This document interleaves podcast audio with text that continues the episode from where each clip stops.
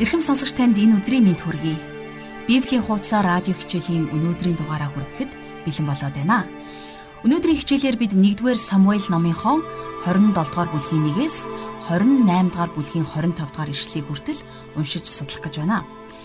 Эдгээр хичээлээс бид Библийн агуу баатруудын нэг болох Давидын тухай судалж байна. Өнгөрсөн дугаарт бид түүнийг Набалын эхнэр Абигалийг бэлэвсэн хоцорход өөрийнхөө эхнэр болгон авсан тухай үзсэн. Тэр эмэгтэй түүний эхнэрүүдээс хамгийн мэрэгэн түүнийг хамгийн их хүндэтгэж хайрладаг эмэгтэй байсан юм. Тэрээр Давидын амьдралд сайн нөлөө ивэл болж чадсан юм. Эхнэрүүд нөхөртөө нөлөөлөх хамгийн ойрын тимэл нөлөө байдаг. Бурхан тэгвэл өнөөдөр Абигал шиг цэцэн ухаанаараа нөхөртөө зөвлөж түүнийг хүндэлж чадах тэдгээр эмэгтэйчүүдийг дуудаж байна. Ингээд олон зүйл ярилгүйгээр яг одоо хамтдаа хичээлээ эхлүүлцгээе. Харин хичээлийн эхэнд энэ цагийг бурхан даатгаж залбирцгаая. Бурхан аав минь би таньдаа талархаж байна. Өөрийн үгээрээ биднийг босгон байгуулж, таны төлөө үйлчлэхэд тусалдаг, дууддаг учраас таньдаа талархлыг өргөе. Их эзэн минь ээ, та бидэнд өнөөдрийн үгээрээ дамжуулан, та мэрэгэн ухааныг ярьж, та бас үгээрээ дамжуулан бидэнд зааж сургаач Бид Есүс Христийн дотор тантай нөхөрлөж, итгэлийн замаар тантай хамт алхахыг хүсэж байна. Та бидний цаг хорон мөч дутмыг маань ариун сүнсээрээ ивэж өрөөж өгөөрэй. Хичээлийн энэ цагийг ихнээс нь дуустал бид таны мотор дүргэж Есүс Христийн нэрээр залбирanгуйж байна. Амен. Харин одоо жаргалах шиг ярианд анхаарлаа хандуулъя.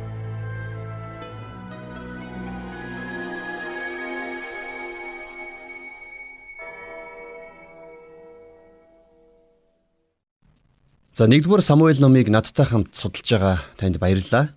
Тэгэхээр өнөөдрийнхөө хичээлийг хамтдаа 1-р Самуэль номын 27-р бүлгээс эхлүүлж байна. За би 1-р ишлээс эхлэн уншийе. Давид Би нэгэн өдөр Саулийн герт устгагдах байх. Филистичүүдийн нутагт зугтаж очихоос өөр арга надад алга. Тэгвэл Саул намайг Израилийн хязгаар нутаг даяар ирж хайхаас цөхрөн. Ингээд би түүний гараас зугтана гэж зүрхэндээ бодлоо гэсэн байна. Тэгэхээр Давид энэ үед өөрийнхөө хамгийн агуу чанар болох Бурханд итгэх итгэлээ алдаж байгаа нь харагдаж байна. За энэ бол зүгээр л хүн ядарч туйлддаг үеүүдийн нэг байсан. Авраамд ч гэсэн яг ийм зүйл тохиолдож байсныг бид нар үзсэн. За бас Исаакт ч, Яаковт ч тохиолдож л байсан.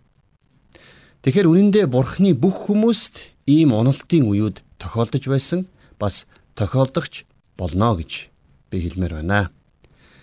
За энэ бүлгээс бид нэр маш их сургамжтай зүйлсүүдийг үзэх болно. Магадгүй өнөөдөр та хүнд асуудлуудыг туулж байж болох юм. Нилээд урт хугацаанд харанхуй үеэр явж за тэгээд энэ үе хизээ дуусах юм болоо гэж та гайхан бодож иж магадгүй. Ийм үед тулгараад байгаа асуудалд нь шийдэгдэхгүй байгаа юм шигч санагддаг. А гэхдээ таны замаар өөр бас олон хүмүүс явсан байгаа гэдгийг санаарай. Тиймээс таны явсан замаар олон хүн явсан гэдэг энэхүү баримт болвол жаахан чадхуй танд тайлгарлыг авчрах байхаа гэж би найдаж байна. За тэгвэл яг энэ шиг Давид хаан энэ замаар та биднээс ч өмнө явсан. За тийм ч учраас Давид хааны амьдрал бидний амьдралд үнэхээр их урам зориг өгөх боломжтой болдог. Түүний зовлонг бид нар бүгдээрээ ойлгож чадна. А яг одоо түүний амьдралыг харах юм бол тэр насан туршдаа зүхтаж за тэгээд хизээ нэгэн өдөр Саулийн гарт үхэх юм шиг санагдаж байсан байна. За цааш нь хамтдаа Давидын түүхээр аялцгаая. Хамтдаа 27 дугаар бүлгийнхээ 2-оос 6 дугаар ишлэлийг уншицгаая. Тэгээд Давид босож өөртөөгөө хамт байсан 600 хүнээ дагуулan Гадын хаан Маохын хөвгүн Ахиш руу очив. Давид болон түүний хүмүүс өөрсдийн гэр бүлтэйгээ хамт Гатад Ахишийн хамт сув. Давид хоёр эхнэр Израиль эмэгтэй Ахиноам болон Набалын эхнэр байсан Кармел эмэгтэй Абигейлтэй хамт байлаа. Давидыг Гат руу зугтсныг Саул мэдгдсэнд Саул дахин Давидыг мушигсэнгүй. Дараа нь Давид Ахишд Хэрвээ би одоо таны нүдэнд тааллыг олсон бол уг нутгийн хотуудын нэгний газрыг надад өгч тэнд намайг суулгаж өгнө үү? Зарц чинь хааны хотод тантай хамт яагаад суух ёстой билээ гэж хэлв. Ийхүү Ахиш тэр өдөр Зиклагийг Давидэд өглөө. Тийхүү Зиклаг нь өнөөдрийг хүртэл Юдагийн хаадын мэдэлд байдаг ажээ. Давид үнэхээр урмаар хугарч сэтгэлээр унсан байсан учраас хийх ёсгүй зүйлээ ийхүү хийсэн байна. Тэр Израилийг орхиж Филистчүүдийн нутагт амьдрах болсон. За тэгэхээр байна шүү дээ. Энэ хэсгээс харах юм бол Давид Бурхны хүн мөн гэдгийг харуулах зүйл ердөөсөө гарахгүй байгаа. За ингээд 1-р Самуэль номын 27 дугаар бүлгийг энэ түүхээр дуусгаад хамтдаа 28 дугаар бүлгээс эхлэн судалцгаая. За 28 дугаар бүлэг дээр болвол Саул Яндорын сүнс дуудагч эмэгтэй дээр очсон нь маш олон асуудлыг бий болгодог. За хамгийн гол асуудал нь Самуэльтай холбоотой. Тэгэхээр тэр эмэгтэй үнэхээр Самуэлийг үхэгсдээс амьлуулсан уу үгүй юу гэсэн асуулт эндээс урган гардаг.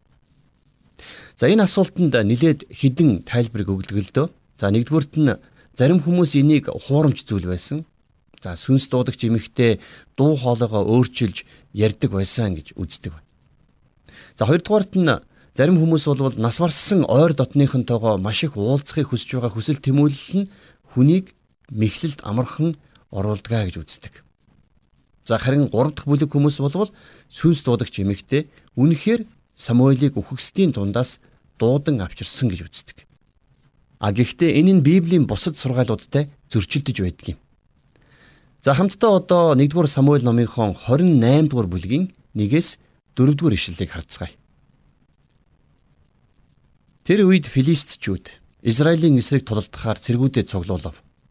Ахиш Давидад чи болон чиний хүмүүс надтай хамт тулалдаанд явна гэдгийг сайтар мэдгтүн гэж хэлв. Давид Ахишт их сайн байна. Таны боол юу хийж чадахыг та мэдэх болно гэв. Тэгэхэд Ахиш Давидад сайн байна. Би чамайг бүх насаар чинь өөрийн бие хамгаалагчаар томиллоо гэв. Самуэль харин өөд болсон бүх Израиль даяар түүний төлөө гашуудаж түүнийг өөрийнх нь хот болох Рамад хөдөөлүүлв. Саул сүнс дуудагчид ба мэрэгч төлөгч нарыг өөрийн нутгаас хөөв. Филистчүүд цуглан ирж шүнэмд хуаргансанд Саул бүх Израилийг цуглуулan Гилбоад хуарган буужээ. За энд юу гарч ийнү гэхлээр филистчүүд дахиад Израильтай тулалдахаар цугларч байсан. Тэгэхээр Давид тэднэртэй хамт Израилийн эсрэг тулалдана гэж тодорхой амлалтыг өгөг. Тэр болж л өгөх юм бол эннээс зайлж зугтах байсан. За харин Саул цэргүүдээ Гилбоа гэдэг газарт цуглуулж байна. За цааш нь харцгаая 5-аас 7 дугаар эшлэл дээр Филистчүүдийн хуаранг Саул үзээд ихэд айж зүрх нь үлэмж цочирдов. Саул эзнээс асуусанд эзэн түүнд зүүдэрч, үримэрч, иш үзүүлэгчээрч хариу өгсөнгүй. Тэгэхэд Саул зарц нартаа надад сүнс дуудагч имийг ирж олготун. Би түүнд очиж тэр имээс асууя гэв. Зарц нар нь Саулд энэ дорд нэгэн тим им би гэлээ. За эндээс харах юм бол бурхан Саултай ярихгүй байсан учраас тэр аргаа барахта сатан руу эргэсэн байна. За Индорын сүнс дуудагч эмэгтэй мэхлэгч сүнстэй байсан. Өөрөөр хэлэх юм бол тэр эмэгтэй үнэхээр муу сүнсний нөлөөнд автсан байсан гэсэн үг. За тэгэхээр сүнс дуудагч нар, мэрэгч төлөгч нарыг хүмүүс их сонирхдаг л доо. Эдгэр зүйлсүүд хүн төрлөختний дунд эртдээр үеэс үүссэн байдаг. За тэгэхээр Индорын эмэгтэй Самуэлийг үнэхээр дуудан гаргаж ирсэн бол ийм тохиолдол ганцхан энэ удаа л Библиэд гардаг юм а гэдгийг танд би энд хэлмээр байна. А гэхдээ энийг ярихаас өмнө Библиэд ер нь яг энэ тухай юу гэж өгүүлдгийг бид нар харах хэрэгтэй. За Библиэлд ерөнхийдөө сүнс дуудах мэрэглэх зэргийг эрс буруу шаасан байдаг. Энэ тухай Дэд хууль номын 18 дугаар бүлгийн 9-с 14 дугаар ишлэлийг сүхэн харах юм бол энд ингэж бичсэн байна. Эзэн бурхны чинь чамд өгч байгаа тэр газарт чи хурж очихдоо. Тэндхийн үндэстнүүдийн жигшүүрт үйлсийг бүү дуурайхтун. Та нарын дунд хүү юм уу охиноо? Галын дундуур гаргагчд. Мэрэг төлөгч. Совин тайлагч иж хидтэн илвчин хараалч. Сүнс зуучлагч. Хар домж сүнс дуудагч бүү байг. Эдгэрийг үлдэгч хэн боловч эзэнд жигшүүртэй юм. Ийм жигшүүрт үлээс болж эзэн бурхан чинь чиний өмнөөс тэднийг хөөн гаргана. Чи өөрийн бурхан эзний өмнө төгс бай. Чиний хөөж гаргах эдгээр үндэстнүүд нь совин тайлагч, мэрэг төлөгчдийг сонсдог. Харин чиний хувьд эзэн бурхан чинь чамайг тэгхийг зөвшөөрөхгүй гэж бичсэн байна.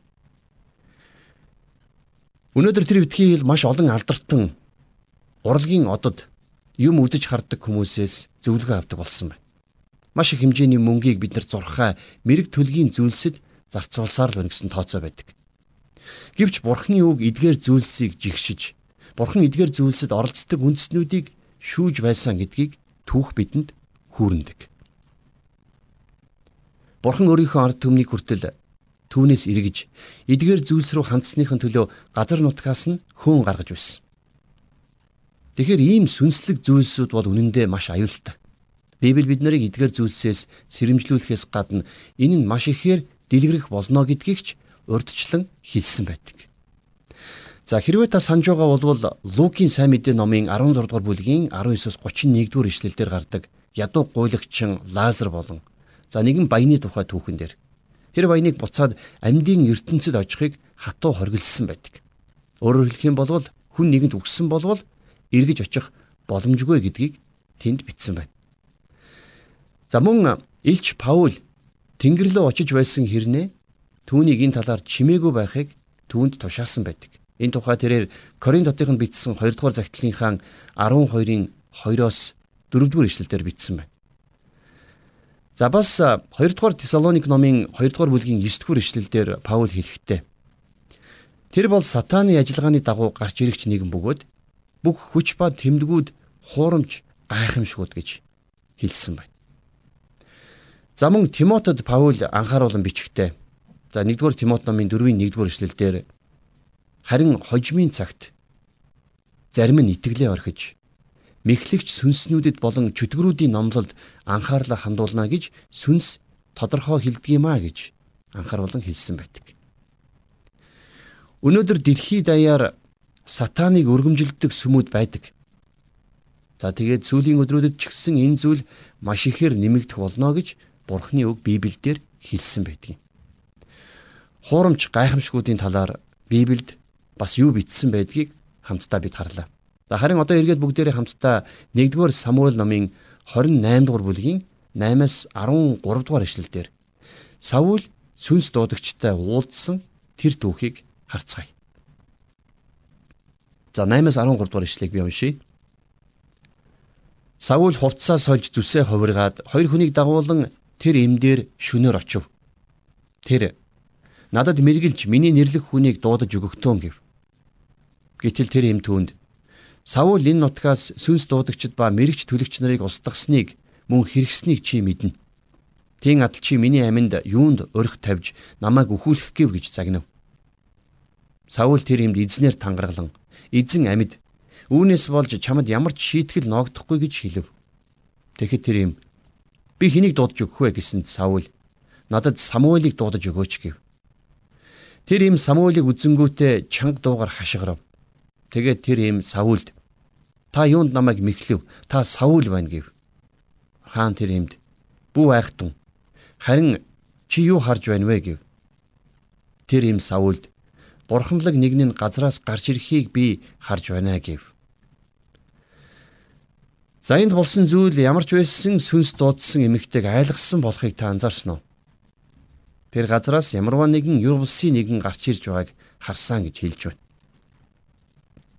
За 14 дугаар эшлэлдэр Саул тэр имээс түүний дүр төрх нь ямар вэ гэсэнд тэр им настай хүн гарч ирж байна. Тэр дээлтэй юм гэв. Тэр нь Самуэль байсныг Саул мэдээд нүүр газарт доор бүхийн мөргөв. За энэ хэсгийг анхааралтай унших юм бол Саул биечлэн Самуэлийг хараагүй байгаа. Харин магадгүй Самуэлийг хизээж харж байгаагүй сүнс дуудагч дээл өмссөн настай хүнийг олж харсан гэж хэлсэн. За тэрнийг шууд л Самуэль гэж хүлээж авсан байна. Самуэль гэж тэрнийг хүлээж авангууд тэр Самуэль шиг ярьж эхэлдэг. Тэгэхээр муу сүнснүүд өөр хүний хоолоогоор ярьж чаддаг юм. За Саул өөрийгөө сатаанд бүрэн нээж сатан түүнд орж ирсэн гэсэн үг. За тэгээд цааш нь 15 дугаар эшлэлдэр Самуэль Саулд Юунд та намайг дуудаж надад төвөг болов гэхэд Саул хариулан би маш их зовж байна. Филистичүүд намайг дайрахаар ирж байхад Бурхан надаас салсан бөгөөд иш үзүүлэгчдэрч зүүдэрч надад хариу өгөхгүй байна. Тийм учраас яах ёстойгоо мэдхийн тулд би таныг дуудлаа гэв. Бурхан Саулийг орхисон учраас тэр филистичүүдээс үхтлээ айсан байна. За харин Самуэль гэдэг байгаа тэр нэгэн Саулд ингэж хэлсэн байна. 16-аас 19 дугаар эшлэл. Самуэль Эзэн танаас салж таны дайсан болсон атал та юунд надаас асууж байна вэ? Эзэн надаар дамжуулан айлсныхаа дагуу гүйцэтгсэн билээ. Эзэн таны гараас хаанчлалыг салган авч таны хөрш Давидэд өгсөн билээ. Та эзний дуу хоолойг дагаагүй. Догшин уур хилэнгээр нь Амалекийг шийтгээгүй учраас эзэн өнөөдөр танд үүнийг үлдэж байна. Түгээрч барахгүй эзэн бас Израилийг тантай хамт филистичүүдийн гарт өгнө. Тийм учраас маргааш та болон таны хүүгүүд надтай хамт байх болно. Үнэхээр эзэн Израилийн цэргүүдийг филистичүүдийн гарт өгнө гэж хэлвэ гэсэн байна. За Самуэлийн гэдэг энэ хүний хэлсэн үгэнд шин зүйл огт гараагүй байгаа нэг сонирхолтой. Саул ямар ч шин мэдээг эндээс олж сонсоогүй. Самуэль нас бархаасаа өмнө Саулийн үхэл, сүрэл, за бас бурхан тэрнийг түлхсэнийг аль хэдийн хэлсэн байсан. Тэгэхэр Саул энэ удаад сүнсний ертөнцид хандаад ч ямар нэгэн тайлхрал, тайвшрал, чиглэл, шин мэдээллийг аваагүй. Тэгэхээр энэ үйл явдал ба штэ надад хуучин гэрээний бас нэгэн гол баатар болох Йовын найз нарын нэгний ярьсан түүхийг санагдуулад байна. За тэр найз нь яриагаа эхлүүлэхдээ нилээд том илчлэлт иш үзүүлэг авсан юм шиг ярьдаг. А гэхдээ яг энэний дараагаар юу болсныг хамтдаа харцгаая. За хамтдаа бүгдээрээ хуучин гэрээний Йов номыг гаргаад За 4-р бүлгийн 12-оос 17 дугаар ишлэлийг хамтдаа харцгаая. За би уншия. Надад нэгэн үг нууцаар ирж чихмэн түүний шивнэхийг сонсов. Хүмүүс гүн ойронд автах шүнийн үзэгдлүүдээс гардаг сэтгэл түгшээсэн бодлуудын дунд айдас ба чичиргээ над руу ирж бүх ясыг минь чичрүүлв. Тэгээд нүүрэн дээгүүр минь сүнс өнгөрсөнд бие минь үс арзайн босов.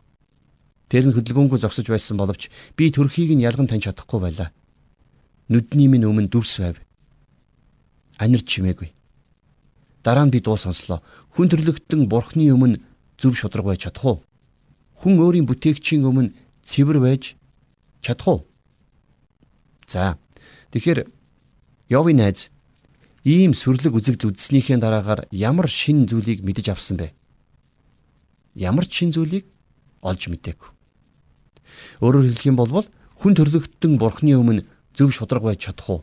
Хүн өөрийн бүтээгчийн өмнө цэвэр байж чадах уу гэсэн асуулт бол мэдээжийн ойлгомжтой асуултууд шүү дээ. Тэгэхээр тэр сүнс ямар ч шин зүйлийг нээгээгүй гэсэн үг. За тэгэхээр Яндорын сүнс дуудагчд хандсан явдалд бурхан огт оролцоогүй нь илт байна. За нэгдүгürt бурхан хизээч Самуэлийг үхэхстээс дуудахгүй байсан. Энэ бол бурхны хийдэг ажил биш. Бурхан Саултай ярихгүй байсныг Саул өөрөө хэлсэн. Харин сатан Самуэлийг босгож болсон байх асуултууд гарч ирж байна.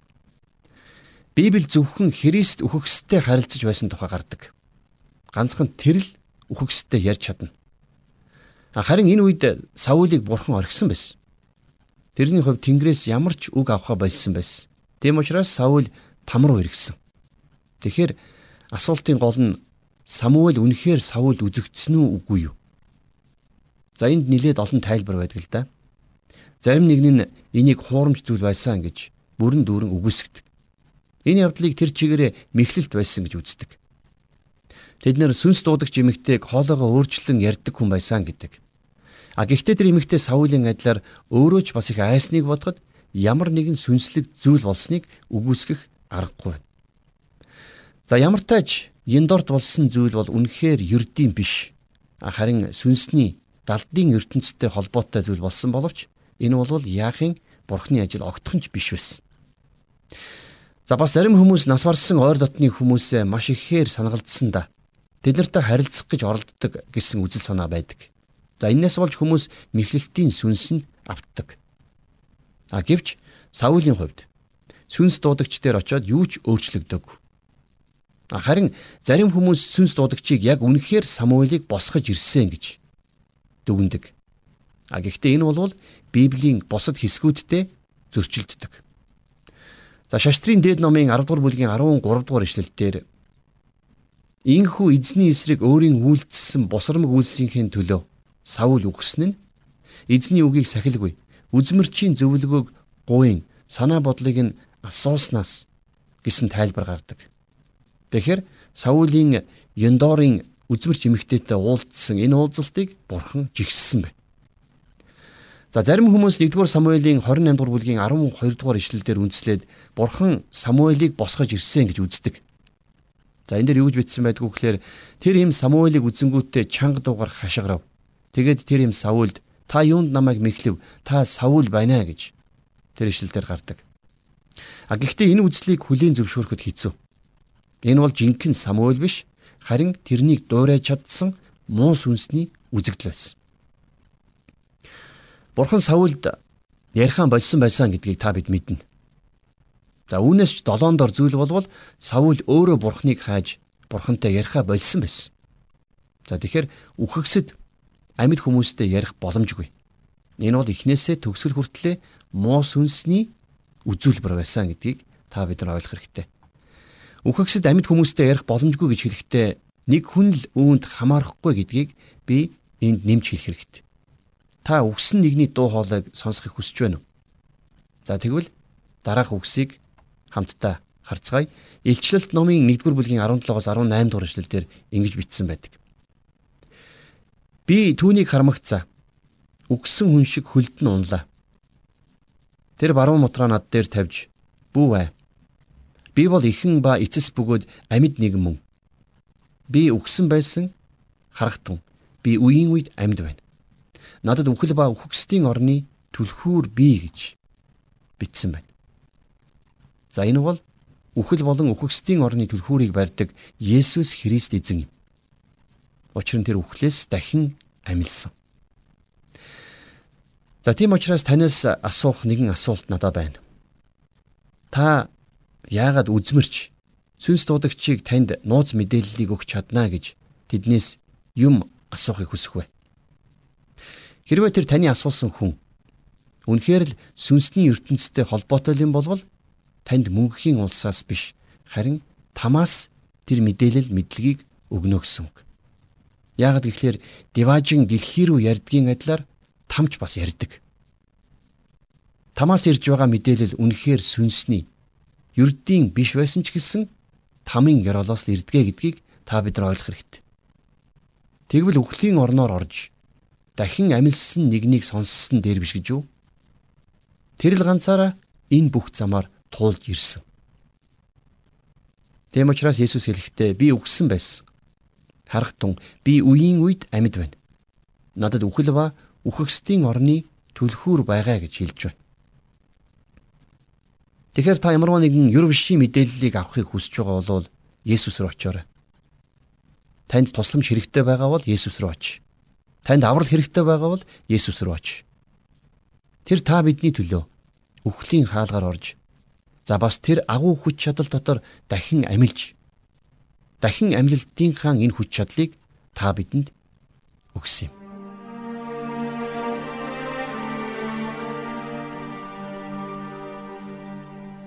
Тэгэхээр их эзэн Есүс маань бидний төлөө үхлийг туулж бидний төлөө дахин амилсан бид хизээд түүний өмнө ирж хэрэгтэй тусламжаа авах болно.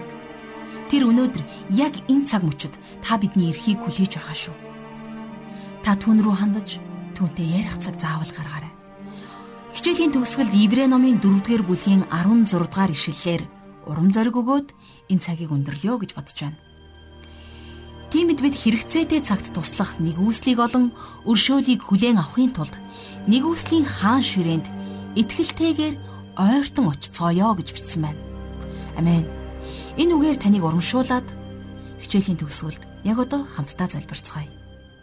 Гайхамшигтээ бурхан аав минь таньда бид талархаж байна.